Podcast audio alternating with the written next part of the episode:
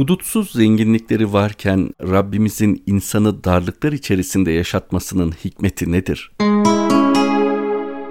Cenab-ı Hakk'ın hazineleri sonsuzdur. O dileseydi hiçbir canlıyı incitmeden, hiç kimseye herhangi bir acı yaşatmadan, kimseye bir musibet vermeden de yaşamın devamını sağlayabilirdi. Uzaya baktığımızda Cenab-ı Hakk'ın hiçbir varlığa sıkıntı çektirmeden bir yaşam yaratabileceğini gözlerimizle görürüz. Allah her insan için bir gezegen yaratabilirdi veya her bir kulu için güneş sistemi kadar bir mülk nasip edebilirdi. Hatta Samanyolu galaksisi kadar bir varlığı bütün kullarına teker teker hediye edebilirdi. Uzayın sonsuzluğuna, kainatın enginliğine baktığımız zaman böyle bir dağıtım durumunda bile uzay tamamen tüketilemezdi ve bütün insanlar hiçbir sıkıntı çekmeden, hiçbir darlık yaşamadan bütün kainatı yaşıyor gibi büyük sistemlere sahip olabilirlerdi. Rabbimizin bu hudutsuz zenginliğine karşı İnsan neden küçücük bir gezegende, daracık hayatlar içerisinde, türlü darlıklar ve musibetler içerisinde, neden problemler yumağı içerisinde yaşayıp gitmektedir? Bunun bir hikmeti sıkıntılı zamanlarda insan kalbinin manevi hakikatlere daha müsait ve daha açık olmasıdır. Bir ayet-i kerimede Araf suresinde geçen bir ifadede ora halkı Allah'a yönelsinler diye onları darlıklara, hastalıklara ve musibetlere duçar etmiştik buyurulmaktadır. İşte musibetler aslında Cenab-ı Hakk'ın celaliyle insana gel demesidir. Tıpkı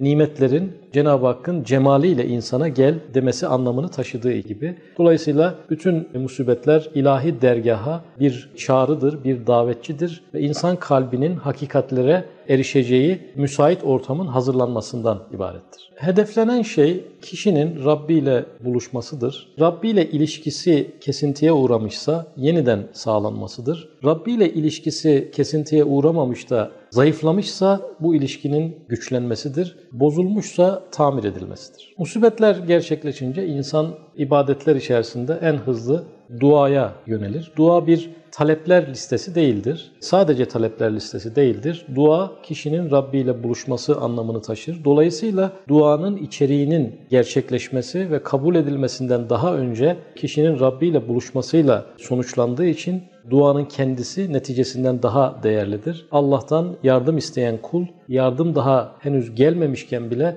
Rabbini elde etmiş, onunla ilişkisini yeniden tesis etmiştir. İnsanın Rabbi ile buluşması duasının kabul edilmesinden daha büyük bir ödüldür ve bu ödül daha duanın sonucu gerçekleşmeden duanın icrası esnasında tahakkuk etmiştir. İşte musibetlerin varlık sebeplerinden birisi de yaşantımızdaki duaya ve manevi irtibata ait boşluk ve eksikliklerdir. Enam suresi 44. ayette Rabbimiz bir kavimden bahsetmekte ve onları bize yalvarıp yakarsınlar diye çeşitli darlık ve sıkıntılara uğratmıştık. Bari şiddetimiz onlara ulaştığında bize yalvarıp yakarsalardı, heyhat bunu bile yapmadılar diyerek ilahi bir sistemde bulunmaktadır. Dolayısıyla şahsımız adına başımıza gelenler karşısında duaya yönelmemişsek bu ilahi sistem bizim için de geçerli olacaktır. Hazreti Mevlana Mesnevisinde dert Allah'ı anmana vesile olacaksa bütün dünya mülkünden yeğdir. Dertsiz dua ruhsuz ve soluk olur.